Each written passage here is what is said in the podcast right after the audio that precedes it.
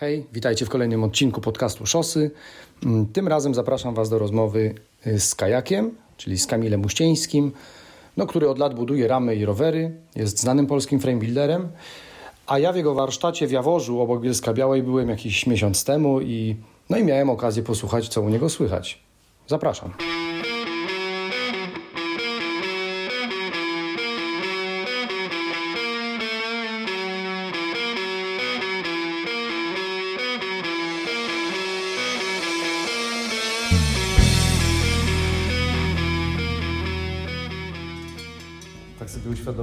Jestem w Twoim trzecim warsztacie. Znaczy, co się widzimy, to jestem w innym Twoim warsztacie, ale... Zaraz będziesz w następnym. Tak? To już jest ostatnia zima tutaj moja. U, szkoda, bo już, bo już mi się zaczęło podobać. Będzie jeszcze fajniejszy. Tak? No. Ale to tajemnica? Nie, to nie jest żadna tajemnica. Udało nam się kupić taką starą ruderkę w górach. W górach nad jeziorem i jeszcze tutaj zimę przezimuję. Może tam zbuduję jakiś warsztat, powiedzmy, może podobnej podstawy, bo mi się spodobał ten metraż. Jest. I będzie, taki jest plan przynajmniej, jak to pójdzie, nie chcę zapeszać. Nie? No. Bo jednak, y, wiesz, jak się wynajmuje tu i tam chata, warsztat, no to te koszty stałe miażdżą. nie? Tak, tak.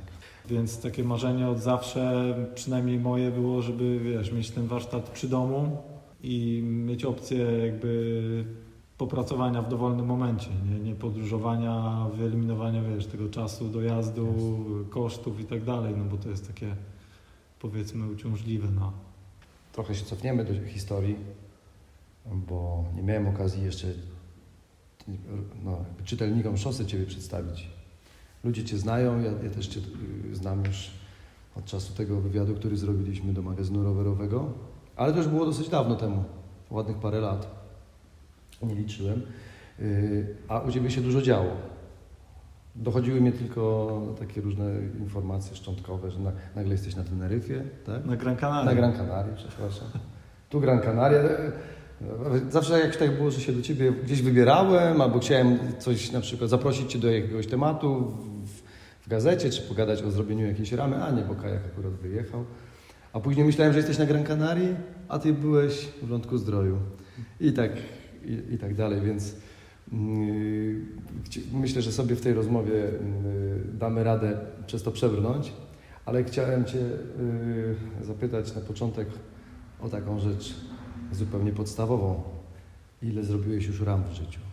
Ile zrobiłem ram? W pewnym momencie zgubiłem rachubę, szczerze mówiąc, bo mam jakąś tam bazę danych od jakiegoś czasu na komputerku, ale y, myślę, że parę setek już y, tak naprawdę poszło, ale ile dokładnie to nie wiem, bo y, dużo było takich, wiesz, że no, nawet nie mam ani zdjęć, ani No tak. z takiego... Zwłaszcza na początku się chyba nie, nie dokumentuje z, z zamiarem katalogowania, nie? Nie wiem jak to jest, no y, niektórzy robią strasznie dużo zdjęć wszystkiego. Y, Ja jakoś y, w pewnym momencie straciłem poczucie w ogóle rachuby i w ogóle y, liczenie to nie jest moja mocna strona.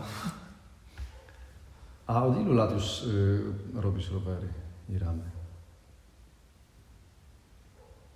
Myślę, że y, jakieś pierwsze, to zależy jakby to zaklasyfikować tak naprawdę. Pierwsza taka prawilna konstrukcja, no to nie wiem, to jest jakieś 2007, 2008, coś takiego, że to rzeczywiście ten rower jechał i wszystko było ekstra, no to znaczy nie był, nie był perfekt, ale jakby działał. Okej, czyli 13 lat temu, ale to już mówisz o rowerze, który wykonałeś sam w swoim warsztacie, bo pierwszy był, była ta rama, którą zrobiłeś na kursie. Tak, pierwsza była ta rama na kursie, no To- i to- Zaraz, zaraz po tym y, coś tam zacząłem kombinować już we własnej przestrzeni, wynajętej w Londynie i Mhm. myślę, że to był, y, to był mniej więcej ten rok. No to powiedz w, w, w takim skrócie, na, na, jak, na, jaki jest możliwy, jak, jak to się zaczynało. Wiem, wiem, że byłeś w Anglii, pamiętam Twoją opowieść, ale chciałbym, żebyś Ty to jeszcze przedstawił ponownie e, słuchaczom. Byłeś w Wielkiej Brytanii i postanowiłeś zapisać się tam na kurs robienia ram u kogo? Przypomnij. Dave Yates. Właśnie. Dave Yates. To, to zaczynałem, czy to się wtedy zaczęło, bo to się zaczęło wiele, wiele lat wcześniej, kiedy wszystkie e, BMX-y się psuły, trzeba było coś tam e, rzeźbić, e, spawać, może nie osobiście własnymi rękoma, ale podzlecać, a w efekcie później już to robić samemu. Yy, chodziło o proste naprawy i jakieś tam modyfikacje, ale taki prawdziwy, prawdziwe budowanie ram, no to oczywiście dla mnie zaczęło się w Anglii, gdzie, gdzie kolega zaproponował, przedstawił mi, że w ogóle jest taka opcja. No i jak tylko o tym usłyszałem, to jakby no byłem przekonany, wiedziałem od razu, że to jest, to jest super sprawa i że na pewno chciałbym to zrobić. Bo to nie było tak, że ty pojechałeś do Anglii na kurs. Nie, nie. Ty byłeś w Anglii, bo wtedy wszyscy byli w Anglii, No tak? nie, może No to była coś w tym stylu. to czas emigracji taki. Nie, ja wtedy pracowałem w Harfie. Yy, pracowałem w Harfie w warsztacie i w pewnym momencie po prostu dla eksperymentu wysłałem parę maili. Poznałem jednego super gościa, który miał kilka sklepów w Londynie. Zaprosił mnie do pracy w warsztacie. Właśnie. Yy, Po, po kilku rozmowach telefonicznych, yy, no i tak się tam znalazłem, bo dostałem ofertę fajnej, fajnej roboty i Mhm. Czyli Harfa, Harfa Harrison dla ludzi spoza, spoza Wrocławia. Tak, Sklep, czas, sklep czas, rowerowy, czyli cały czas w rowerach, bo w ogóle jeszcze wspomniałeś o BMX-ach, no dodajmy, że wywodzisz się w ogóle z BMX-ów, tak? No, Tak, można tak powiedzieć, że y, byłem jednym z prekursorów y, wrocławskiej sceny BMX-owej, y, prekursorem budowania hopek na, na Agrestowej, na Agreście, gdzie teraz jest piękne miejsce, które, które ludzie no, dopieszczają w niesamowity sposób. I jest to naprawdę zjawiskowa miejscowa, która w tym momencie wygląda zupełnie profesjonalnie i mm, aż po prostu łezka się kręci wokół, jak wiesz, no ileś tam naście czy już 10 lat temu y, budowaliśmy jakąś pierwszą skocznię w tym miejscu, a teraz tam jest y, profesjonalny Mhm. dirt taki, który oglądaliśmy wtedy w gazetach amerykańskich. Czyli to, że, tak, że na tych rowerach dużo się skacze i one w związku z tym dosyć często podlegają uszkodzeniom. Ale wszystkie się niszczyły. No Moje rowery właśnie. cały czas się psuły i ten quest do stworzenia roweru, który się nie niszczy, on po prostu trwał i trwał, No, aż do no. momentu, kiedy wiesz, trzeba było wziąć sprawę w własne ręce. Okej.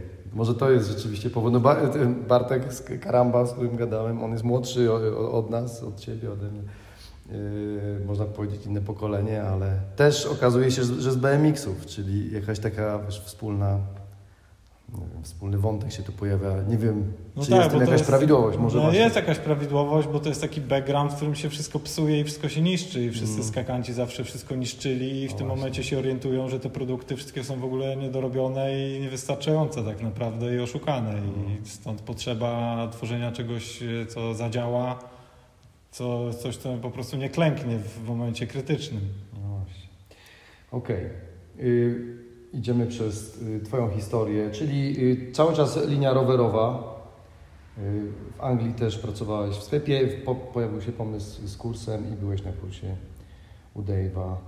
No to, no i co, i zrobiłeś tam ramę, nie? Tak, tak to było. tak, tak zrobiłem ramę, którą później ukradli, ale była super i może nie była jakoś tam... No nie, no był to rower moich marzeń. Złożyłem cały rower na Xterze, Górala i był w ogóle super. A powiedz jeszcze o tym kursie, bo pamiętam, y, on, to było chyba w jakimś fajnym miejscu, nie? Y, To było... Gdzieś na wsi. Tak, to była jakaś wiocha, ale nazwa mi... Nazwa wiochy mi wypadła. No, Jak ktoś sobie wpisze w Google Dave Yates, to na pewno tam można znaleźć, gdzie to jest. W każdym razie obok było e, niesamowite miejsce. To było lotnisko wojskowe. Zaraz przy jego domu.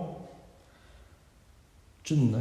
Czynne, k- które miało co tydzień e, tak zwany Battle of England Memorial Flight. Mhm. I w związku z tym co tydzień na weekend startowały wszystkie samoloty, jakie tego były w bitwie o Anglię, czyli bombowce, Spitfire'y i wszystkie te inne, których nazwy nie jestem w stanie teraz wymienić, ale po prostu huk, dźwięk i widok był niesamowity, nie? że on coś tam pokazywał, opowiadał i nagle był straszny huk, mówi poczekajcie chwilę, jakiś tam startuje, coś tam. Hurricane. 30 No. sekund e, suspense i dalej kontynuacja wykładu. Także to było takie no, zjawiskowe miejsce, gość też zjawiskowy, ponieważ przez y, x lat y, pracował w miejscu, w którym robili ramy zupełnie manualnie, ręcznie, robiąc wszystkie docięcia na oko, robiąc wszystko ręcznie. W związku z tym no, miał taką umiejętność, którą teraz już chyba nikt nie jest w stanie Mhm. tego wytrenować, bo nie ma takich miejsc pracy gdzie no, na totalnym analogu manualu był w stanie po prostu bardzo szybko wykonywać operacje mm, docinania rur. No wszystko po prostu ręczna robota w tempie zatrważającym. Ale co to było? To on pracował w fabryce rowerów? Nie, on pracował w jakiejś firmie, no można, nie wiem, to nie była fabryka do końca, y, ale to, była, to był warsztat, który wykonywał ramy. No kiedyś w Anglii y, co drugi warsztat rowerowy, taki normalny, małego pokroju, wykonywał ramy rowerowe i to była normalna sprawa. I y, myślę, że to było jedno z takich miejsc. Okej. Nie pamiętam dokładnej nazwy, on ją wymieniał, ale nie jestem w stanie tego, tego przywołać w tym momencie. A w Anglii prowadziłeś swój warsztat? Tak? Mówisz, że w Londynie. Yy... E, Tak, w pewnym momencie wynająłem przestrzeń małą w takim hangarze, gdzie były różne przestrzenie dla artystów, y, dla różnych rzemieślników i już tam powoli coś e, Mhm. zaczynałem kombinować. To to musiało być ekscytujące. No jednak na obcej ziemi, w wielkim mieście, pełnym ludzi, każdy z tych ludzi z jakimiś tam pomysłami swoimi się realizuje i ty tam nagle masz swoje miejsce. Pomiędzy tymi wszystkimi świrami i No. artystami. Nie, no, ja się tam super czułem No. i naprawdę dobrze, dobrze mi tam było i naprawdę cieszę się, że poznałem ten klimat y, tych wszystkich ludzi. Na pewno nie chciałbym tam mieszkać na tym etapie przynajmniej z dziećmi może, czy w ogóle Tak. no jakby na całe życie to na pewno nie, ale być, poznać polecam. No i tam się zakochałeś w tych angielskich narzędziach.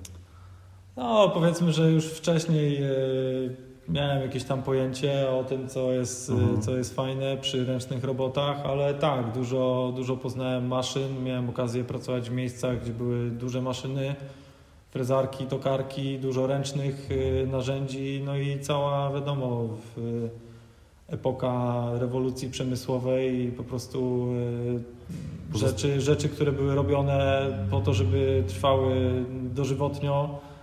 E, One tam wszystkie były i są do tej pory i no to jest y, bardzo ciekawy temat i no niesamowita sprawa, że w ogóle coś takiego było. Teraz no nie do końca już z tymi rzeczami tak jest, że no jesteśmy w stanie robić rzeczy, które działają dożywotnio, a jednak one nie powstają. Ciężko je, ciężko je znaleźć, czy w ogóle y, spotkać się z nimi, więc No ale szybko się z, chyba zjawiłeś z powrotem w Polsce, tak? Dobrze pamiętam. no 6 lat posiedziałem w Londynie. A, to nie tak szybko. Czyli 6 lat prowadziłeś swój y, warsztat? Nie, No. to było może, może 5, Okej. może 4, już teraz nie do końca pamiętam. I co, miałeś tam klientów? Jakby zaczęli pukać ludzie do drzwi i, i zamawiać ramy rowerowe? Może nie pukali do drzwi, ale miałem tam klientów, Aha. tak. Okej. I wtedy powstała ta pierwsza, co mówisz, że to już jeździło, tak? Y, Tak, kilka pierwszych ram y, rozdałem znajomym, Mhm. ponieważ byłem przekonany, że one nie do końca może zadziałają albo coś będzie z nimi nie teges, natomiast jeżdżą do dzisiaj i, się cieszą. Później, i wtedy się spotkaliśmy w Twoim warsztacie już wrocławskim, kiedy wróciłeś. To było jeszcze u rodziców, nie? W garażu pod domem rodziców? Nie, to było obok domu. To Aha, nie było dom aha, okej, rodziców, okej, ale to było, to było sześć domów obok. Okej. No dobrze. Jeszcze jedno pytanie z tych podstawowych. A y, ta nazwa kajak, y, dlaczego to jest kajak? To jest straszna nazwa. Nie, ja zawsze miałem taką ksywę kajak. Okej. I w pewnym e, momencie, to znaczy no, wtedy no, wszyscy jakby mnie kojarzyli z tej ksywy i tak już to do mnie przywarło. W pewnym momencie no, zostało tak nazwane dla zabawy, gdzie to nie było na etapie jakimś powiedzmy jakiejś działalności, tylko na etapie bardziej zajawki i no niestety tak, albo stety już to tak zostało. E, Nazwa totalnie nieadekwatna do rowerów, e, zupełnie bezsensowna, no ale na tym etapie chyba już nie będę tego zmieniał. Nie wiem, czy mogę to zmienić. Pewnie mogę, ale, Nie, ale tak już to chyba zostanie. zostanie. Tak naprawdę. Tylko to jest kajak przez J, prawda? Tak, Czyli jak ktoś z zagranicy do Ciebie pisze, to mówi, dzwoni, to mówi kajak. to mówią Cage'ak. Cage'ak, tak, tak. Cage'ak. No, parę osób z Polski też dzwoniło po jakieś wiosła i były takie Okej. momenty, ale to się na szczęście już nie zdarza. No dobrze. No to opowiedz y, jeszcze o swoich podróżach y, warsztatowych, czyli... To był najpierw, e, to był najpierw Lądek Zdrój, jeśli chodzi o warsztat, bo wtedy mieszkaliśmy w Stroniu Śląskim, który jest zaraz obok Lądka.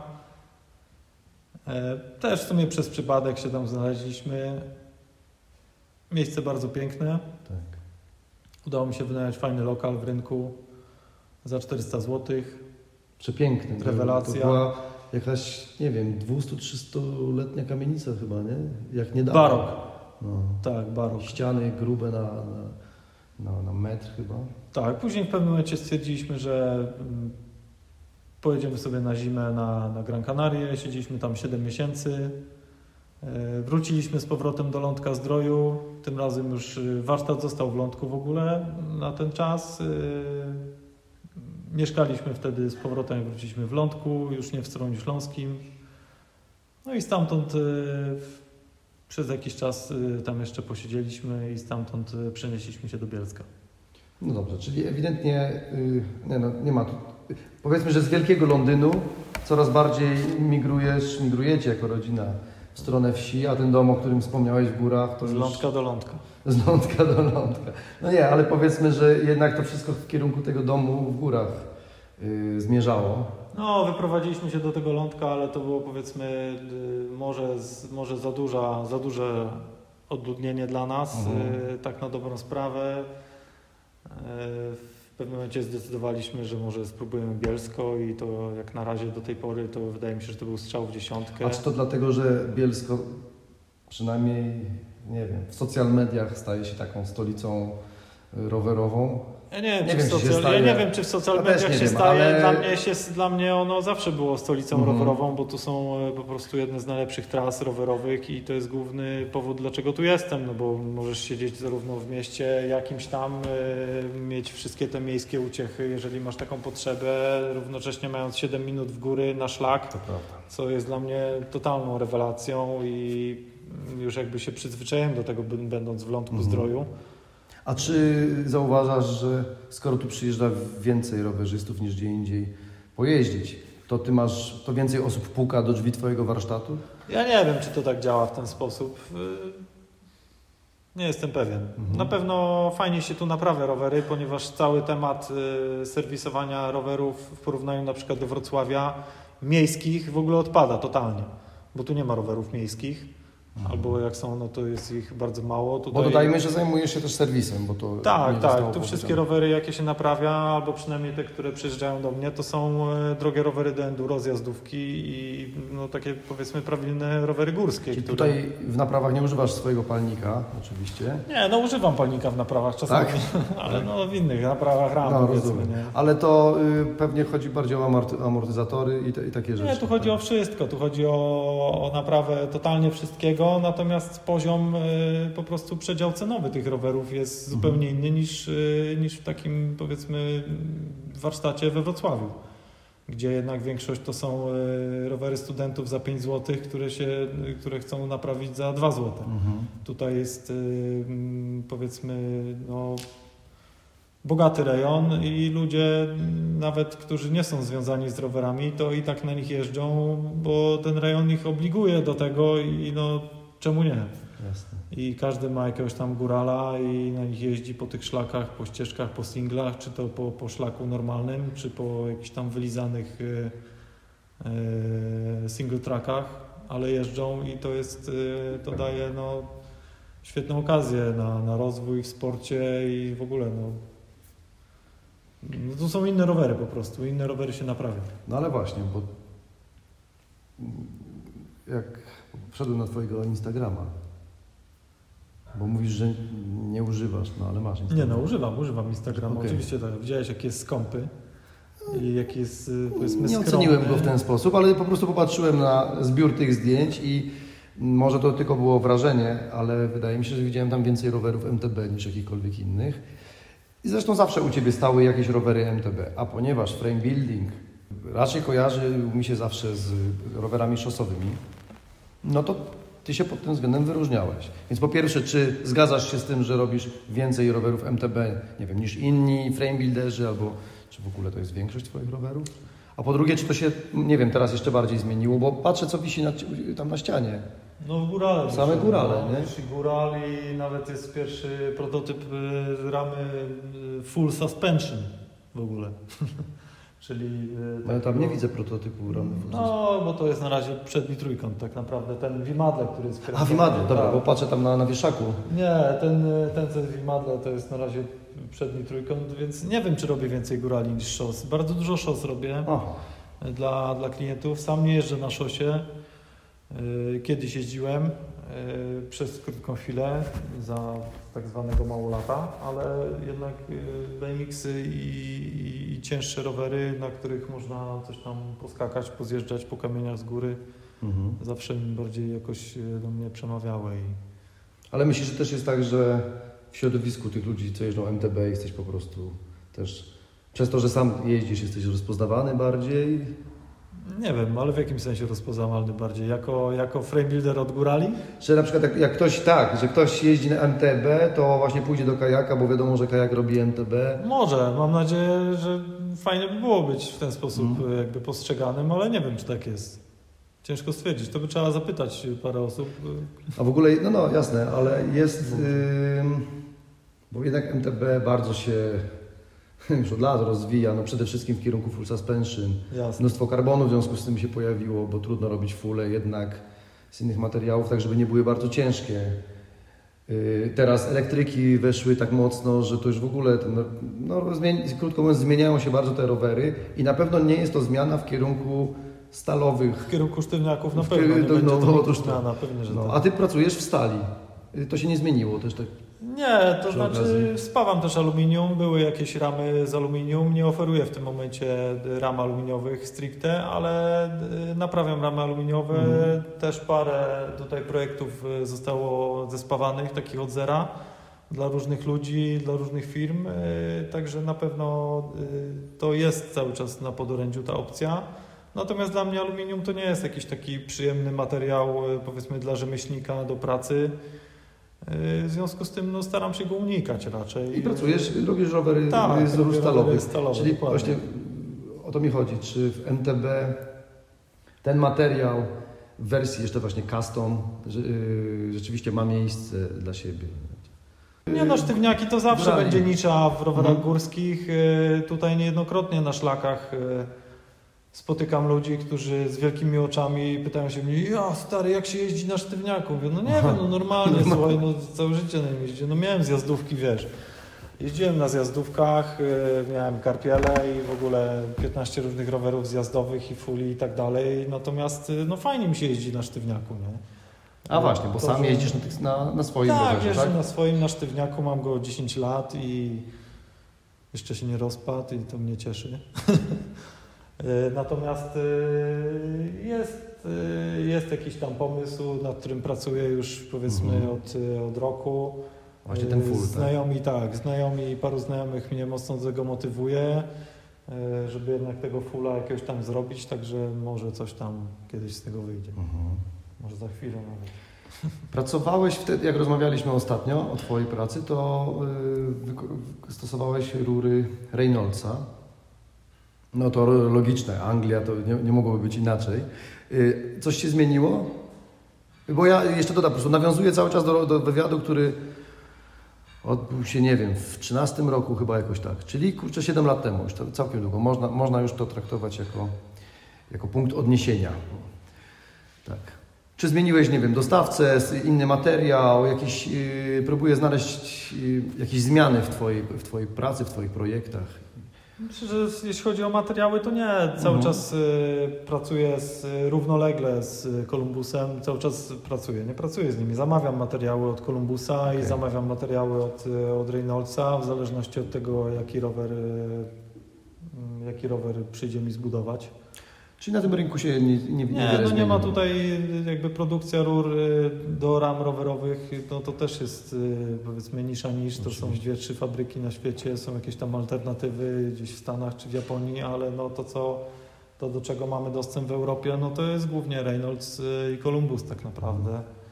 I, i to jest, to są ludzie, których, których no gdzieś tam znam, poznałem i, i cały czas, y, cały czas to są te same materiały tak naprawdę. No, one też tam się zmieniają, ewoluują, jakieś tam nowe przekroje wchodzą, bo wiadomo, ten rynek się rozwija, konstrukcje się trochę zmieniają, te rury też się trochę zmieniają na lepsze. Mhm. Także To- to, to, to, to cały ciekawe. czas, to cały czas jest to samo tak naprawdę w, w, nowych, w nowych tam powiedzmy wersjach. A gdybyś miał powiedzieć, określić jakoś swój styl No bo każdy frame builder jakiś swój styl ma. Nie wiem, czy łatwo jest go określić. To spróbujmy, czy, czy potrafiłbyś o sobie coś takiego powiedzieć? Czy o swoich ramach? Przynajmniej u mnie jest tak, że no, nigdy nie powstały dwie takie same ramy. Jakiś tam przewodni styl może jest. Yy, na pewno yy, te rowery, które ja robię, są takie bardziej utylitarne. Mniejszość jest takich rowerów z jakimś powiedzmy pstrokatym malowaniem mhm. czy, czy, czy z wyszukanym malowaniem. W większości to są rowery yy, do konkretnego celu, do konkretnego użytkowania, gdzie klienci nie dbają często o malowanie. E, takie, które muszą działać w trudnych warunkach, e, które po prostu muszą spełnić swoje zadanie w, w bardzo jakby praktycznym, e, jakby praktyczny sposób tak naprawdę. Nie wiem, czy jestem w stanie określić swój styl, chyba czegoś takiego nie ma tak naprawdę, po, poza, poza tym, że przylutuję swoje logo z przodu na główce, to tak naprawdę nic nie, nie łączy tych ram ze sobą. Każda jest bardzo, bardzo różna od poprzedniej. Ale ja też, gdyby mnie ktoś spytał, to pewnie bym o tym malowaniu powiedział. Może, może tak się złożyło, że tylko takie widziałem. Nie wiem, no ja... Taki militarny kolor, jakiś na przykład właśnie tu zielony, pełny tak, kolor bez Każdy bez też próbuje przekonać e, swoich klientów do, do swoich pomysłów i do, do, do swojej idei, jak on by widział ten, ten fajny rower mhm. dla, dla danej osoby, czy, czy dla siebie również. Ja zupełnie nie dbam, e, można powiedzieć, o malowanie, jeśli chodzi o rowery, które bym budował dla siebie. E, najchętniej widzę je na surowo, może nawet z, z rdzą, albo po prostu pomalowane mocnym lakierem proszkowym, który przez wiele ludzi jest uważany za coś e, paskudnego. Może tak być, wiadomo o gustach, o kolorach ciężko rozmawiać. Natomiast patrząc na ten rower, który mam, wiem, od 8 czy tam 9 lat, to, y, no, nie, no to wygląda tak, to ja w miarę rzeźko, wygląda w miarę rzeźko, jeśli chodzi o, o, ten, o ten lakier tak naprawdę.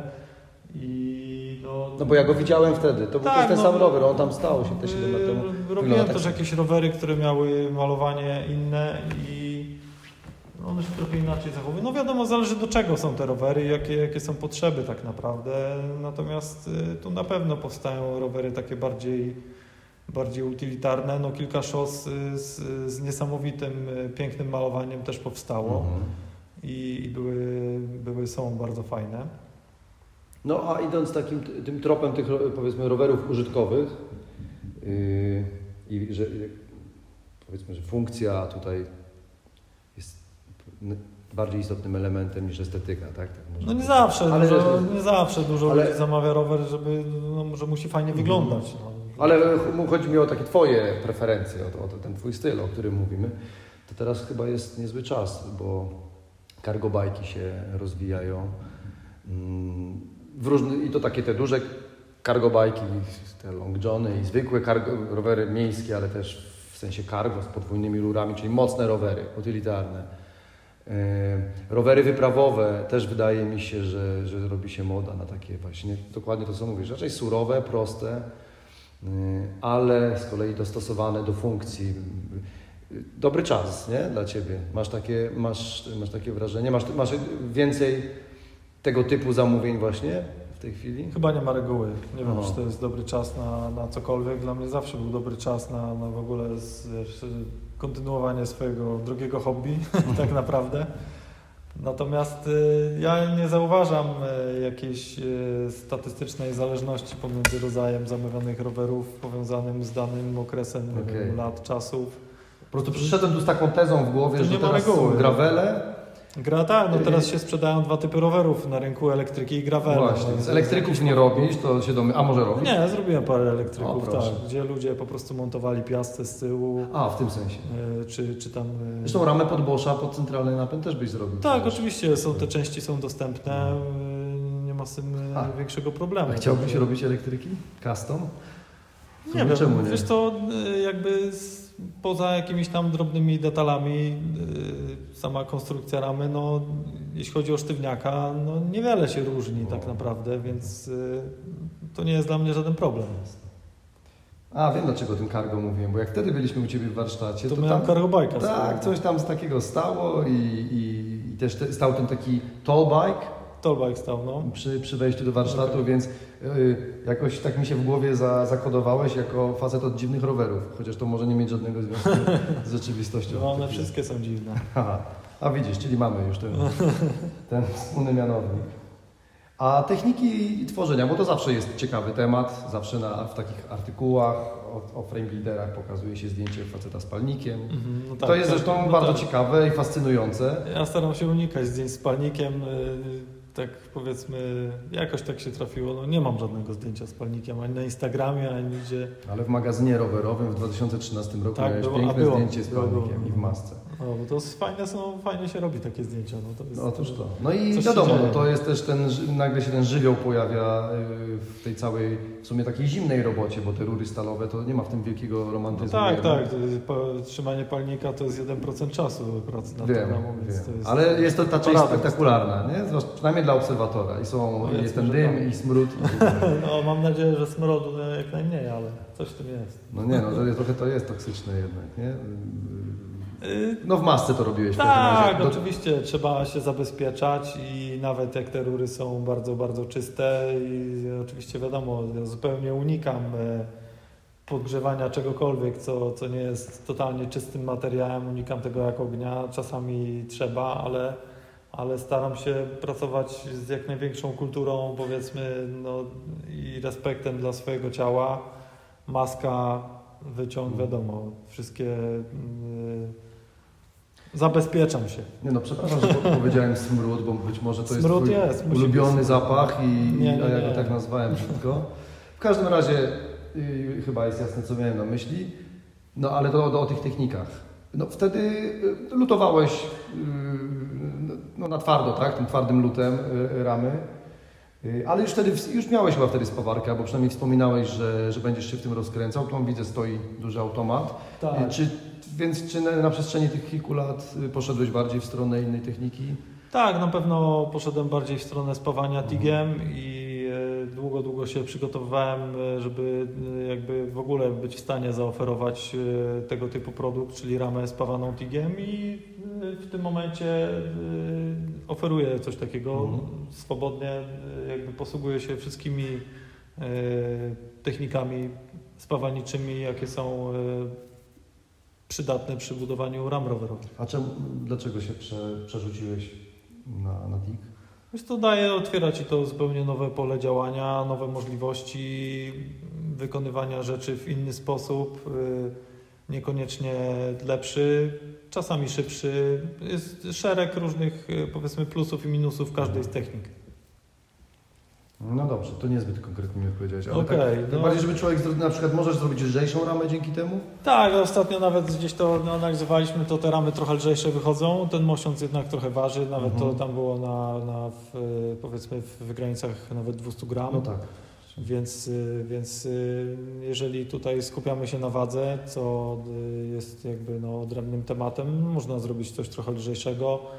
W procesie dla mnie to oznacza też y, trochę lżejszą pracę. Y, Inny efekt, y, odpada wygładzanie połączeń lutowanych, odpada bardzo, bardzo dużo obróbki. Ta praca jest wtedy bardziej sterylna, czystsza.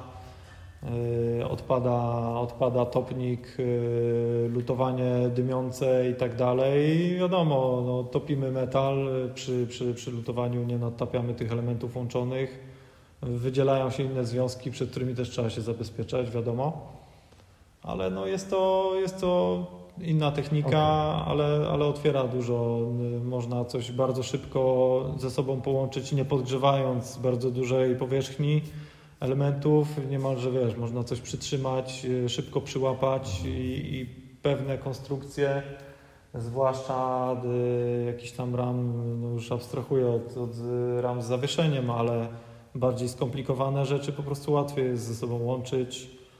Mhm.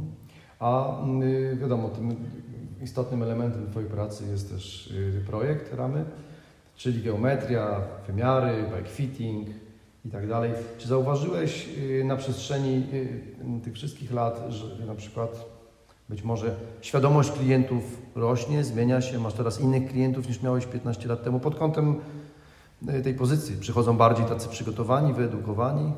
Nie ma reguły, przynajmniej u mnie tak naprawdę. Często przychodzą ludzie, którzy totalnie nic nie wiedzą i wtedy, wtedy mm, też się z nimi bardzo przyjemnie rozmawia i można ich nakierować na jakieś tam fajne pomysły. E, przychodzą ludzie, którzy przynoszą e, swoje cyfry, wiedzą dokładnie czego chcą. Czasami zmieniają zdanie po krótkiej rozmowie, czasami nie. Nie ma, mhm. nie ma reguły. Kiedyś, e, wiem, patrząc tak na przestrzeni lat, to to się chyba nie zmieniło do końca, bo, e, bo spotykam ludzi zarówno bardzo e, świadomych tego, co chcą, z dużą wiedzą, zarówno takich, którzy po prostu chcą mieć dobry rower i niekoniecznie muszą się na tym znać, no bo jakby nikt od wszystkich nie wymaga, że muszą wiesz, wiedzieć wszystkiego, wiedzieć wszystko o rowerach. Natomiast y, sam proces, sam, sam moment y, jakby decyzji zamówienia ramy u framebuildera no już no na pewno to jest produkt dla ludzi z wiedzą. Mhm. To nie jest produkt dla ludzi, którzy, którzy powiedzmy przesiąkli marketingiem wielkich firm. To jest produkt dla ludzi bardziej świadomych. Przypomniało mi się, że nigdy nie miałem okazji Cię spytać o Twoje szkolenia. Bo Ty zacząłeś w pewnym momencie uczyć ludzi. Tak, to jest super zabawa. I pisaliśmy o tym w szosie. Kuba Derwisz, który był Twoim uczniem napisał dla nas artykuł. Teraz domyślam się, że, y, więc jakiś tam y, zarys tego i atmosferę już przekazywaliśmy, ale chciałem od Ciebie usłyszeć właśnie, jak to jest, no bo tak sobie pomyślałem, że wyszedłeś jako frame builder z tego super domu gdzieś tam na wsi, gdzieś tam w Anglii, a nie teraz... wyszedłem wtedy jako frame builder, nikt nie wychodzi z kursu okay, jako frame builder. Okej, okay, jako kursant po pierwszym, e, na pierwszym levelu, ale wyszedłeś, to był Twój, twój kickstart taki. A teraz, jeśli, podejrzewam, że taka jest też idea, pewnie jak już pandemia się skończy i tak dalej i będziecie mieć ten dom, to zaraz będziesz miał super dom w górach własny i będziesz tam zapraszał ludzi, tak? Taka jest... Taka jest idea, tak, jest zwłaszcza, że będziemy mieli też opcję y, noclegów, apartament, no, to będzie w ogóle rewelacja. Bomba, to jak wyglądają takie, y, takie Twoje szkolenia? I może powiedzieć jeszcze od kiedy je robisz, bo tego nie wiem. E, no chyba od czasów tego już tego takiego garażyków na Sudeckiej tak naprawdę. Wtedy już tam e, tak. Kuba Derbisz tam był i parę osób, no ludzie już tam wtedy przyjeżdżali. Okay. Okay. Czyli od lat już prowadzisz szkolenia. Czyli a, a, a, e, już jesteś ojcem jakiegoś kolejnego frame builderskiego, nie wiem jak to powiedzieć, biznesu. Czy ktoś zaczął coś robić po tym? Tak, tak, to pytanie często pada z, z ust różnych ludzi. Nie wiem, czy mogę tutaj wymieniać y, pewne osoby, ale, y, ale niestety gdzieś mniej więcej 1% z tych wszystkich ludzi, którzy zrobili ten kurs, mhm naprawdę widać, że odpalą coś, co będzie działać. Czyli motywacja raczej jest inna. Ludzie chcą. Po... To znaczy, niekoniecznie ktoś e, robi kurs po to, żeby zacząć robić ramy. Tak, Dla tak. wielu ludzi to jest e, fajna, jednorazowa zajawka, po to, żeby mieć rower, na którym mogą jeździć e, na własnoręcznie zrobionej ramie, mhm. cieszyć się nią przez długie lata później. I to samo w sobie już jest Jasne. chyba takim motorem napędowym. Dużo ludzi chce zacząć coś robić, natomiast bariera czy jakiś tam próg wejścia w ogóle yy, czy, czy, w biznes, czy jakby to nazwać, no jest taka trudna tak naprawdę. Tu jest bariera i finansowa i, i yy, no, trzeba mieć no, niestety jakieś tam wieloletnie doświadczenie i wprawę, żeby być w stanie, zależy na jaki poziom tak naprawdę celujemy, bo jeżeli celujemy na poziom X, no to ktoś może od razu po kursie zacząć oferować ramy i, i nie ma z tym problemu. Natomiast jeżeli celujemy na poziom e, wysoki czy najwyższy, no to e, jest bardzo trudno to osiągnąć. No to powiedz o kursach. Ludzie gdzieś przyjeżdżają do Ciebie, spędzacie dużo czasu razem, tydzień, czy, tylko, czy, czy jeden dzień? E, nie, no to jest w ogóle super zabawa dla mnie. Sam się bardzo dużo uczę na takich kursach poznaję świetnych ludzi, którzy też mi przekazują niejednokrotnie różne ciekawe informacje, nie zawsze związane z samym frame buildingiem, ale y, dla mnie jest to naprawdę super czas. Y, w pewnym momencie stwierdziłem, że to nie może być jakiś tam ograniczony, ograniczony powiedzmy, ograniczona ilość dni i w tym momencie to, jest, to są takie widełki tydzień, dwa tygodnie mniej więcej, bo każdy ma inne tempo, inne umiejętności, każdy przychodzi z innym, y, z innym doświadczeniem, albo z zerowym, albo z większym. I żeby dać jakby wszystkim równe szanse, to oferuje coś takiego, no nie powiem, że bez ograniczeń, ale no, dwa tygodnie to jest, to jest dużo i w tym momencie, w, w tym czasie jakby większość ludzi z zerowym doświadczeniem jest w stanie wykonać taką ramę, może nawet widelec, niektórym to się udaje w tydzień. Ostatnio był kolega ze Stanów, y, który spędził tu dwa tygodnie. Y, było to trochę bardziej, powiedzmy, y, taki może na spokojnie wzięliśmy ten temat na warsztat i wyszedł super fatbike i tak naprawdę... Okej, okay, ale ja, bo ja sobie wyobrażałem cały czas, że, to, że ty spotykasz się z grupą seminaryjną pięciu osób. O nie, tylko nie to. I, i, I, robicie takie, wiesz... Nie, to chyba w ogóle nie byłoby możliwe ze względu na narzędzia. A, musiałbym mieć, wiesz, drugi przymiar i tak dalej. są indywidualne zajęcia. Tak, indywidualne. Parę osób podpytywało, czy są w stanie przyjechać na przykład we dwójkę mhm. i to jest już bardziej możliwe i pewnie będzie możliwe, żeby na przykład dwie osoby czy jacyś znajomi razem przyjechali, to myślę, że wtedy może to by się udało. Tak, tak. Natomiast tutaj są e, wyzwania związane z, z logistyką narzędziową tak naprawdę. Tak, Wiesz, jest tylko jeden przymiar, e, na którym przez długi czas taki kursant coś tam sobie układa, dopasowuje, przez wiele dni w ogóle nie widzi efektu, musi dopasować te rury. Więc y, no... No ale tak sobie zaczynam wyobrażać, że rozumiem, że też kursant musi sobie ten czas zarezerwować. Y, chociaż może, y, jeśli jest z okolicy, to w ogóle może do Ciebie przychodzić do warsztatu, tak? Na takie konsultacje, tak? O to w tym chodzi. Ktoś przychodzi, Ty mu tłumaczysz, on zaczyna coś dziubać, widzicie się trzy dni później E, nie, nie, jeżeli przyjedzie na kurs, y, nie było jeszcze takich ludzi, którzy rzeczywiście z okolicy przyszli i mieli mhm. na tyle swobody, że mogą przyjść sobie w Aha. dowolnym momencie. Oczywiście jestem jak najbardziej otwarty na tego typu opcje, natomiast to się chyba nie zdarzyło jeszcze u mnie. Zazwyczaj to było na takiej zasadzie, że E, dana osoba przyjechała, wynajęła sobie jakiś tam lokum mhm. i była tutaj po prostu ciurkiem od 8 do 8. Okay. I ty wtedy albo... swój czas oferujesz w ty, cały czas w tych godzinach? Ja jestem wtedy okay. do dyspozycji no prawie, że, prawie, że no nie powiem 2-4 na dobę, ale momentami jak y, wiesz, bardziej się tutaj wkręciliśmy w, w cały mhm. proces, to no, siedzieliśmy do nocy tak okay. naprawdę. I to było świetne. Bomba, to yy, masz jakąś taką, nie wiem, stronę internetową z ofertą szkoleń, tam się można zapisać? Co gdzie, ty, gdzie nie, tego moja strona nie istnieje w ogóle. Wy, nie, teraz y, ostatnio powstał taki portal internetowy Bike Station, zdaje się. To tam umieściłem ogłoszenie, to było dosłownie parę dni temu. Tam umieściłem ogłoszenie, ponieważ panowie z, tej, z, z tego portalu mnie zadzwonili zapytali, czy, czy chcę umieścić swoją ofertę na tej stronie, że robię te ramy mhm. i tak dalej. I e, zostało umieszczone tam ogłoszenie, natomiast wcześniej to było raczej tylko na, na fanpage'u facebookowym była taka informacja Czy trzeba zadzwonić? Opisem, y, tak, tak. tak zadzwonić i pogadać. Pewnie. Ale masz oficjalny cennik i nie wiem, zasady, jakieś, nie wiem, levele tych kursów? Zależy co nazwać oficjalne, nie? No, no jest cennik, no jest cena za kurs yy, stała. No to powiedz, ile no, kosztuje, bo bardzo mnie to Kurs kosztuje 4 koła okay. w tym momencie, Ale... plus koszty materiałów. A, czyli tak 5,5. No, powiedzmy, w zależności od wyboru materiałów, no to materiały na jedną ramę kosztują, nie wiem, 1500-2000 tak, tak, zł, tak. coś takiego.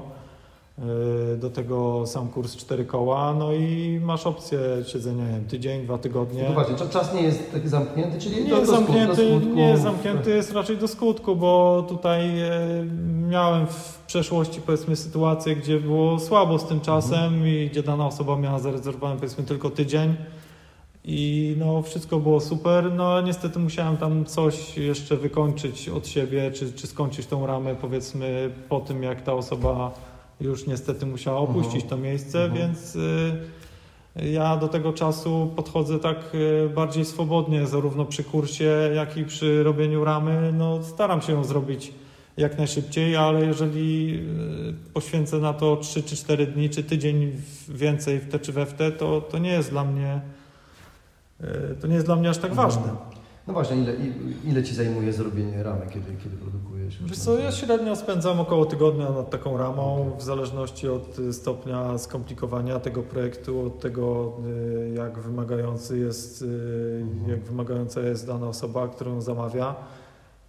No to, mhm. to nie ma reguły, natomiast czasami mój dzień jest ograniczony, ponieważ mam inne obowiązki, to rozkładam sobie to w czasie na, nawet na dłuższy czas. Nie ma reguły tak naprawdę. Sam proces tyle zajmuje, ale domyślam się, że gdybym chciał zamówić u Ciebie ramę, to ona nie będzie za tydzień, bo pewnie masz kolejkę.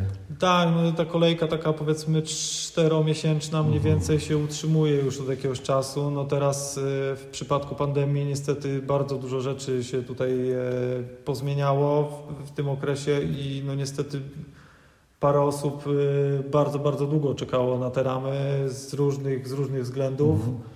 Ale miałeś na przykład problem z dostępnością materiałów? Tak, miałem problem z wieloma różnymi rzeczami. Kolumbus, Kolumbus pewnie odpadł od razu? Tak, bardzo wiele firm wstrzymało produkcję, y, ale to nie był główny mhm, powód. Mhm. Też y, w moim życiu dużo rzeczy się pozmieniało, pozawalało, także no, ta pandemia dotknęła nas wszystkich chyba tak naprawdę. I... Akurat sobie wyobrażałem, że właśnie ty takim biznesem jesteś totalnie nie, niewrażliwy. No, nie do końca, no bo jeżeli nie jestem w stanie, wiesz, zamówić e, haków Ale, do ramy czy, tak, czy tak, rurki, to, no to y, jakby no ciężko coś tutaj, wiesz. I Anglia i północne Włochy, gdzie mieszczą się te fabryki, y, zostały mocno dotknięte. Tak, amerykańska firma y, Paragon, od której mhm. kupuje haki też i pozostałe elementy do ram też wstrzymali produkcję w pewnym momencie i no nie dało się tych rzeczy kupić po prostu. Szkolenia oczywiście też stanęły w miejscu. Nie miałem akurat zapytania o szkolenia no. podczas pandemii, więc no tak, no, ciężko stwierdzić, Pewnie właśnie dlatego, no, bo, no, no, tak.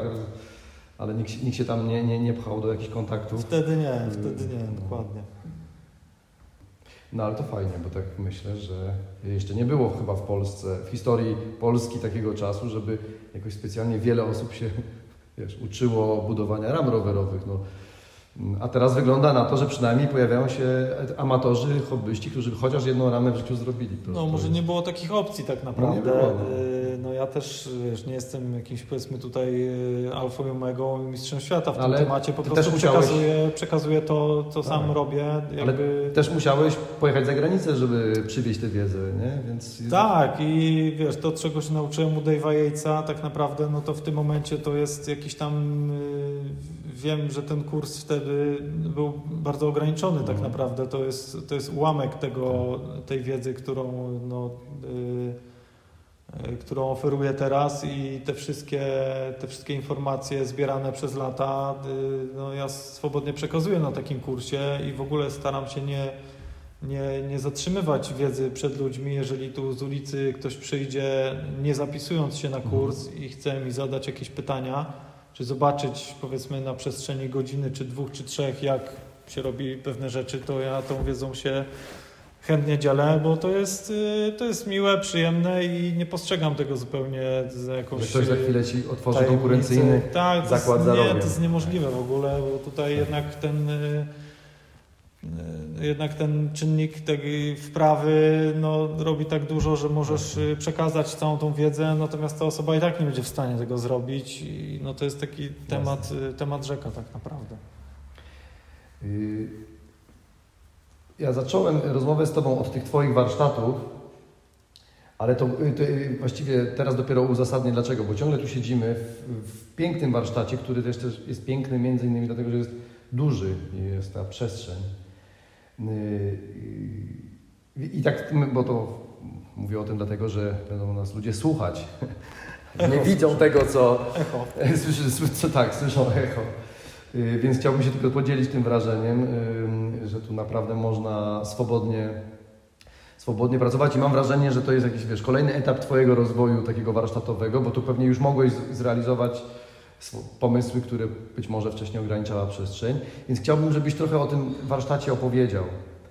Y, nie wiem, czy to jest proste zadanie, tak opowiedzieć o warsztacie, ale y, zacznijmy od tych narzędzi, bo zanim włączyłem mikrofon, już o tym gadaliśmy, ale, ale wróćmy do tego. Gdzie tutaj nie popatrzeć, to jest albo właśnie rekord, albo, yy, albo rekord. Te ściski to pewnie Ten, te, też y, ten sam producent? Też rekord, tak. No, czyli Angiel, brytyjska firma z tradycją. y, Nie, miałeś jakieś kowadło? Dobrze pamiętam? Czy Kowadło? Nie, mam Nie. jakieś takie, nie, malutkie takie mam, nie, to- ale to- bardzo rzadko używam. to już to. to... Dużego takiego nie, nie miałem nigdy, bo to, że jakieś tam może zainteresowanie w tym temacie, ale nie.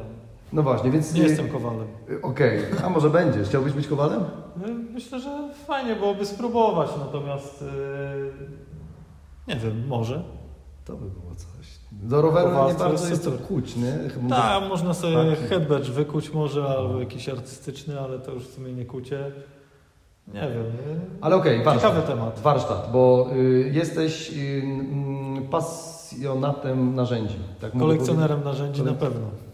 No to opowiedz, które jest Twoje ulubione narzędzie w tym, w tym y, Tu mam bardzo dużo ulubionych narzędzi.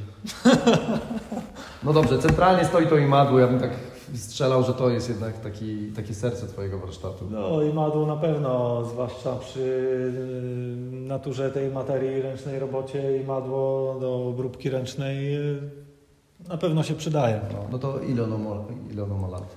Wiesz co, to imadło y, prawdopodobnie jest y, mniej więcej z lat 50., 60. Y, tak, analizując po kształcie pewnych elementów, które y, widać, że po nowszej produkcji są pewne różnice. Mhm, tak. No tutaj dużo jest takich sprzętów właśnie z, z okresu powiedzmy lat y, 70.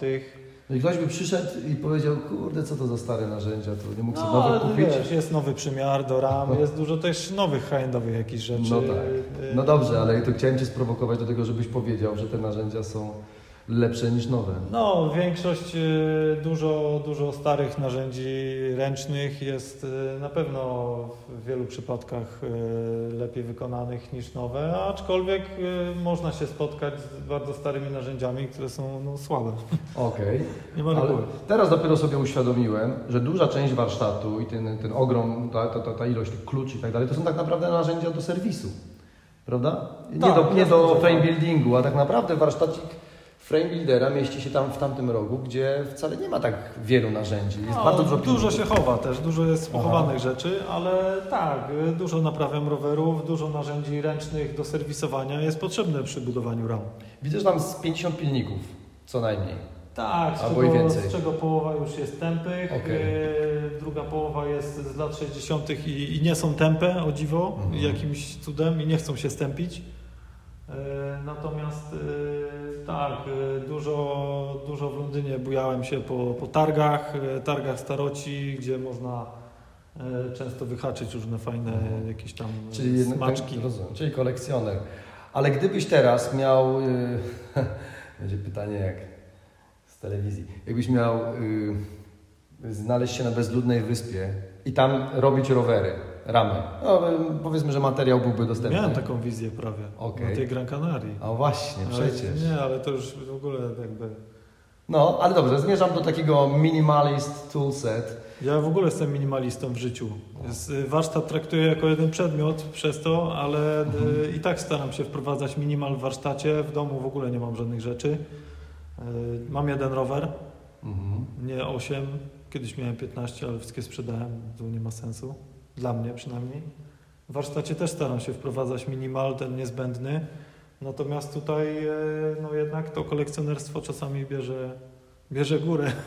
No tak, właśnie. Mam dużo narzędzi, których nigdy nie, do, nie dotknę, albo których nigdy nie, bardzo Ale rzadko w używam. warsztacie nie? się narzędzia zawsze, wiesz, Tak, to się, może czy, czy się prędzej czy przydają. Nie wiesz przecież tak. na co trafisz, kiedy przyjdzie ktoś y, na serwis. Tak, Ale dobrze, ale ten minimal. Gdybyś miał teraz spakować do malutkiej walizeczki jakiś minimalny zestaw narzędzi, za pomocą których mógłbyś zbudować ramę y, komuś na tej wyspie bezludnej, czyli pewnie sobie, No, to, y, to co by to były za narzędzia? no to by i madło, pilnik i palnik, nie? Jeden pilnik by wystarczył. Pewnie, że tak. Okej. Żeby zrobić ramę spokojnie. Pewnie płaski z jednej strony i ok- półokrągły z drugiej, No, tak? dokładnie. To nie jest tak, że potrzeba, nie wiem, 15 różnych gradacji tego pilnika, tych Nie, pilników? nie, można zrobić jednym pilnikiem świetną ramę. Okej. Wiadomo, że to nie będzie bardzo może ułatwione, ale to jest jak najbardziej możliwe i często się łapię na tym, że jak mam jakiś jeden ulubiony pilnik, to, no to widzę, że go używam w sumie w 90% całej konstrukcji tak naprawdę.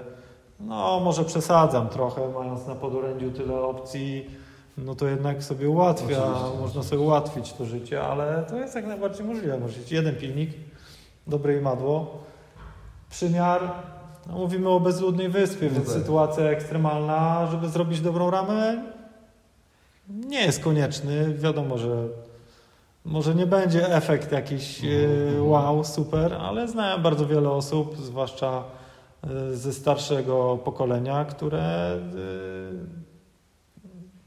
robiły, były w stanie wykonać ramę dobrą. Na, na oko. No, na oko, ręcznie. Mhm. Może wiadomo, płaski stół się przydaje do tego czasami. Okej, a teraz Da się to zrobić. y, jakby przeciwieństwem tej bezludnej wyspy jest już y, no, obrabiarka, bo mm, stoi tutaj piękna frezarka obok nas i to jest twój, twój, twój nowy nabytek. To Stosunkowo nowy, tak. Przedstaw. Przestaw się, proszę, przestaw się. Ona nie mówi, e, chyba że taki chip specjalny podłączymy, to wtedy mówi, ale teraz. No e, opo- opowiedz o frezarce, bo to już mi mówiłeś wcześniej, jak tutaj leżała rozebrana mm, na części. Frezarka, tak, trafiła w moje ręce tutaj przypadkowo od lokalnego pana, który już przeszedł na emeryturę. Y, Sentyment do, do tego typu maszyn y, już miałem od y, dawien dawna w Anglii. Miałem okazję pracować na, na, na różnych obrabiarkach przy okazji współpracy z różnymi warsztatami, co dało mi jakieś pojęcie mniej więcej co do czego cały czas od, od lat jakby próbuję się edukować też w temacie narzędzi maszyn, no wszystkiego co jest związane z y, zrobieniem RAM. Y, No także przed taki moment, kiedy jest wiesz, miejsce, potrzeba, y, jest to chyba taką naturalną koleją rzeczy tak naprawdę. y. Bo ona ci pozwala wycinać, y, jak to powiedzieć ładnie? Tutaj możliwości obróbki elementów są praktycznie nieskończone tak naprawdę. Główne zadanie tej maszyny jest y, docinanie rur Zaczynaj- No do ram rowerowych, mimo to, że y, no tutaj czas, y, czas samej obróbki no jest trochę krótszy niż ręcznie, natomiast ja nadal jestem na etapie, gdzie jestem w stanie to zrobić ręcznie bardzo, bardzo szybko. No nie powiem, że szybciej niż frezarka, Mhm. ale, ale w, w bardzo, bardzo krótkim czasie. Natomiast y, ta maszyna daje mi możliwość y, obrabiania różnych y, detali, różnych elementów już gotowej ramy, frezowania przeróżnych, przeróżnych rzeczy w samej ramie, także no, tu jakby pole manewru jest nieograniczone. Ograniczają nas tylko narzędzia, które, które są potrzebne do, do tej maszyny i to, to często jest no, ten, tym y, najdroższym elementem Mhm. tak naprawdę. A słuchaj, bo ty masz custom w nazwie, w ogóle idea jest customowa sama w sobie tutaj, ale myślałeś kiedyś może o jednak o jakiejś produkcji? No bo już mając taką obrabiarkę mógłbyś yy, trzepać jakieś, może nie ramy całe, ale jakieś elementy, nie? Które- Tak, pojawiają się, takie, pojawiają się takie opcje i nie wiem, czy zaraz nie pojadę po następną frezarkę i nie zrobię może jakiejś e, serii ram dla e, pewnych ludzi, Mhm. tych i tamtych, którzy proponują taką współpracę. A, Także- czyli raczej podwy, podwykonawstwo. tak, tak. Y, Także prawdopodobnie tutaj za chwilę jeszcze staną może dwie takie maszyny i no coś, y, jakaś tam może mini manufaktura taka No. Bo ten powiedzmy- element powtarzalności pozwoliłby Tak, coś tam... tutaj jednak pewne rzeczy można zrobić o wiele szybciej niż, niż robiąc to ręcznie pilnikiem dla indywidualnej osoby. Wtedy to jest fajne, ale jeżeli chcemy zrobić kilka ram powiedzmy podobnych lub takich bardziej o charakterze e, nadal high-endowym, ale bardziej Mhm. produkcyjnym, no to jednak bez takich narzędzi to jest mało możliwe i mało opłacalne tak naprawdę. A jak myślisz o przyszłości, no to ten dom w górach to jest jedna z najbliższych pewnie realizacji tej wizji, ale masz jeszcze, no, masz jakiś kierunek, w którym chciałbyś iść w, ty, w tej swojej pracy? Wiesz co, ja od, y, od zawsze staram się dograć ten proces tak, żeby ten produkt był po prostu na najwyższym poziomie, a y, przez to zaniedbuję różne inne sfery tego, tej działalności, tak wiesz, reklama, marketing, nie ma strony internetowej, jestem takim trochę pankowcem tak naprawdę w tej kwestii. Yy, Natomiast y, masterowanie tych umiejętności i jakby własna edukacja w to, żeby ten produkt był jeszcze, jeszcze lepszy, to jest chyba mój jakby główny cel. No, na pewno nie chcę pracować w fabryce i na pewno nie, nie będę e, operatorem maszyny w, w fabryce, która produkuje bardzo, bardzo dużo rowerków. To na pewno nie jest e, moje przeznaczenie. E, Mimo to, że jakaś tam mini, powiedzmy, seryjna produkcja to jest coś fajnego, ale w takim wydaniu, powiedzmy, które kładzie nacisk bardzo na jakość tego produktu i no, jeżeli będę w stanie nadal ten produkt mieć na, na, na bardzo, bardzo wysokim poziomie, mimo to, że on jest może trochę szybciej zrobiony i tych ram jest kilka takich samych, to czemu nie? Masz jakiś swój ulubiony projekt z całych, z wszystkich kilkuset ba- ram? bardzo dużo różnych ulubionych projektów, które powstały albo jeszcze nie powstały. Tylko nie mam czasu, żeby je wykonywać. A jesteś w stanie je jakoś wymienić, czy opowiedzieć o nich? Wiesz co, ja mam co chwila jakąś taką wizję, że y, rysuję rower, który wydaje mi się, że w ogóle będzie super i na przykład za trzy miesiące coś w nim zmieniam i mówię, nie no teraz to jest w ogóle ekstra, robimy to i to jest w ogóle super i za jakiś czas znowu coś tam w nim zmieniam. To jest chyba taki proces y, nieskończony tak naprawdę jakiejś ewolucji, ale mam dużo projektów, które mam w głowie i część z nich e, realizuję. E, Jeżeli widzę, że jest potrzeba, albo że co najmniej na przykład mój kolega czy znajomy stwierdzi, że tak, to jest to, jest to co chcę, proszę zrób to dla mnie, to, to właśnie to wykonuję. Teraz ten full chyba jest takim Mhm. przykładem tego. Czyli dobrze sobie wyobrażam, że ty jak masz wolne popołudnie, jeśli takie masz, to sobie siadasz z notatnikiem, ołówkiem i sobie po prostu rysujesz mm, projekty, które przychodzą ci do głowy? Może nie aż tak, bardziej Czy- po czy bardziej siadasz do komputera Nie, i- siadam do komputera, włączam Aha. sobie bikeCada i wtedy Okej. coś, tam, coś tam rysuję. Mam jeszcze jeden programik do, do projektowania y, ram z zawieszeniem, y, AutoCada. Ale to bikecat kojarzy mi się raczej z projektowaniem geometrii, proporcji roweru, Tak, no ale, bo- ale mm, tak sobie wyobraziłem, że te projekty też mm, od strony już takiej no, design, designerskiej. Tak, nie, nie robię wizualizacji, No. nie robię wizualizacji. y, Ja jednak bardziej tą, tą sferę wizualną staram sobie uporządkować w głowie. Mhm. i wtedy przekładam, omijam w ogóle ten proces y, tego rysowania. Jestem w stanie to szybciej po prostu Mhm. zrobić y, trzykrotnie, niż to po prostu wyrysować, Rozumiem. wyrenderować. W sensie y, przycinasz rury, czasami wygniesz, bo widzę tam są też takie projekty, gdzie, gdzie jest gięcie. Tak, jestem nadal na I takim... patrzysz jak to wygląda. Dokładnie, jestem Mhm. nadal na takim etapie, gdzie albo już, albo nadal, gdzie jestem w stanie to zrobić szybciej niż zaprojektować. Y, No, niektórzy spędzają wiele, wiele lat na projektowaniu i to są często super projekty.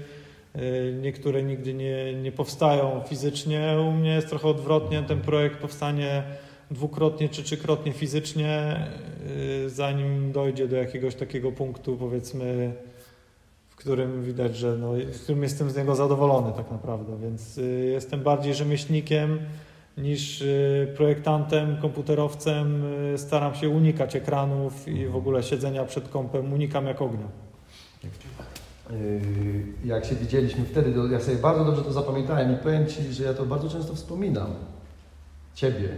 Tak, mam, mam Cię w głowie, jak taki głos, który mówi te cholerne social media, Facebooki, lu- ludzie się ze sobą, tylko ciągle tam jeden z drugim chce być kumplem po to, żeby zaraz zrobić jakiś biznes i coś na tym ugrać i ja w swoim życiu, im, im dłużej żyję, tym coraz bardziej yy, przyznaję Ci rację wstecz.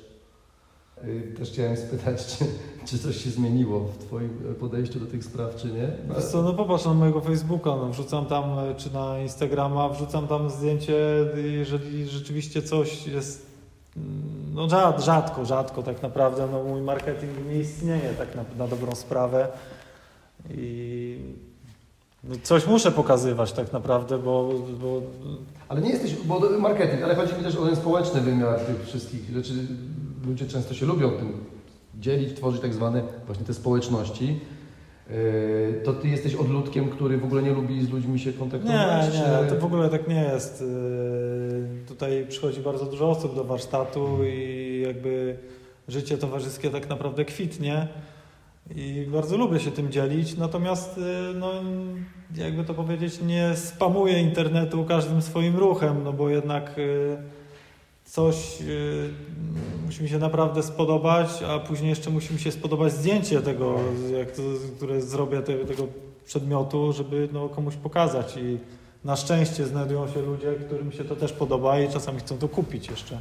Ale widzisz, bo w Twojej branży trochę tak jest, że Instagram, Pinterest naprawdę bardzo y, ułatwiają, y, co ułatwiają? No, patrzenie na to, co inni zrobili. Więc ciekawi mnie, czy jednak gdzieś tam nurkujesz po tych, po tych zdjęciach, pa, patrząc na innych frame builderów, y, czy właśnie celowo na to nie patrzysz, czy w ogóle... Nie, no czasami patrzę, oczywiście, że patrzę, każdy patrzy, natomiast staram się też y, mniej patrzeć, a więcej wymyślać. Wiadomo, że musimy się czymś inspirować Mhm. i wszystko to, co, wszystko to, co robimy jest y, miksem rzeczy, które już widzieliśmy w przeszłości. No, nie ma, jest mało takich ludzi, którzy wymyślają coś tak z czapki, z powietrza, zwłaszcza gdzie y, jesteśmy uzależnieni od, od wielkiego jakby przemysłu rowerowego. I niestety przemysł rowerowy no to jest przemysł modowy tak naprawdę, no, niestety, ale tak jest. I musimy się czymś inspirować, musimy patrzeć jakie są standardy, musimy patrzeć w ten ekran czasami. Natomiast y, staram się, no, tak jak wcześniej mówiłem, unikać tego jak tylko mogę. No dobra, wiesz co, to ja zakończę te rozmowy życzeniami, żebyś jak najrzadziej musiał patrzeć w ekran. A jak najczęściej... Nie, na- uczę się, uczę się SolidWorksa, jakichś takich rzeczy. To jest y, bardzo fajne. Uczę się obsługiwać y, też maszynę CNC u kolegi, z którym współpracuję. A, jednak, jednak e, CNC, się ponieważ tak y, bardzo, tak, bardzo mi pomaga. Mhm. Y, Na szczęście jesteśmy w takim rejonie tutaj Bielska, gdzie, gdzie towarzystwo jest bardzo progresywne, jeśli chodzi o w ogóle działalności Mhm. nie tylko sportowe, ale też i gospodarcze. Jest sporo ludzi, którzy robią rowery. Jest w Brennej kolega, który robi z bambusa Boho Bikes. Jest, jest Omen niedaleko, który robi ramy aluminiowe. Także rejon jest taki bogaty, Mhm. powiedzmy, w rzemieślników. Jest w ogóle niesamowity Grzesiu Zieliński, wielokrotny mistrz y, downhillu, który ma obrabiarki CNC i jest w ogóle niesamowitym człowiekiem, samoukiem, który zaprojektował całą skrzynię biegów do roweru, zrobił całą ramę karbonową i Widziałem ten projekt, on był na, Bardzo, na takim, bardzo- takim startupowym etapie, kiedy dokładnie. to I pokazał. to cały czas jest, to cały czas To się rozwija, to tak? cały czas kontynuuje ten temat. Okej. Bardzo, bardzo mi pomaga w wielu rzeczach związanych z moją działalnością, y, także to jest y, naprawdę y, świetny rejon i świetni ludzie, którzy no, tutaj mają wpływ też na, na mój rozwój, tak na dobrą sprawę, więc y, Czyli ta Twoja wędrówka po różnych miejscach na warsztaty rzeczywiście tutaj, yy, nie wiem, się zakończyła, ale jest na etapie yy, no, wartościowym. no, jest na etapie Bielska. O, po prostu, po prostu. Dokładnie. No dobrze, to liczę, że kolejną rozmowę będziemy mieli okazję odbyć w Twojej agroturystyce, tak? Bo to tak, tak po prostu No, przedstawiłeś. może będzie coś Może na zasadzie apartamenty bikers friend- friendly, No, czy jak to Od tam razu sobie to mówi. zacząłem tak wyobrażać. Tak, wiesz, no Nie ma tu fajnie. lotniska ze Spitfire'ami. Ale jest lotnisko sportowe w centrum miasta. O, proszę. Rewelacja. Jak masz kasę, możesz y, sobie, wiesz, zrobić samolot i startować. Czyli wszystko widzisz, jakoś tam wraca i albo w nowych formach się przejawia. Dzięki za rozmowę. Wszystkiego dobrego. Dzięki również. Pozdrawiam wszystkich. Hołk.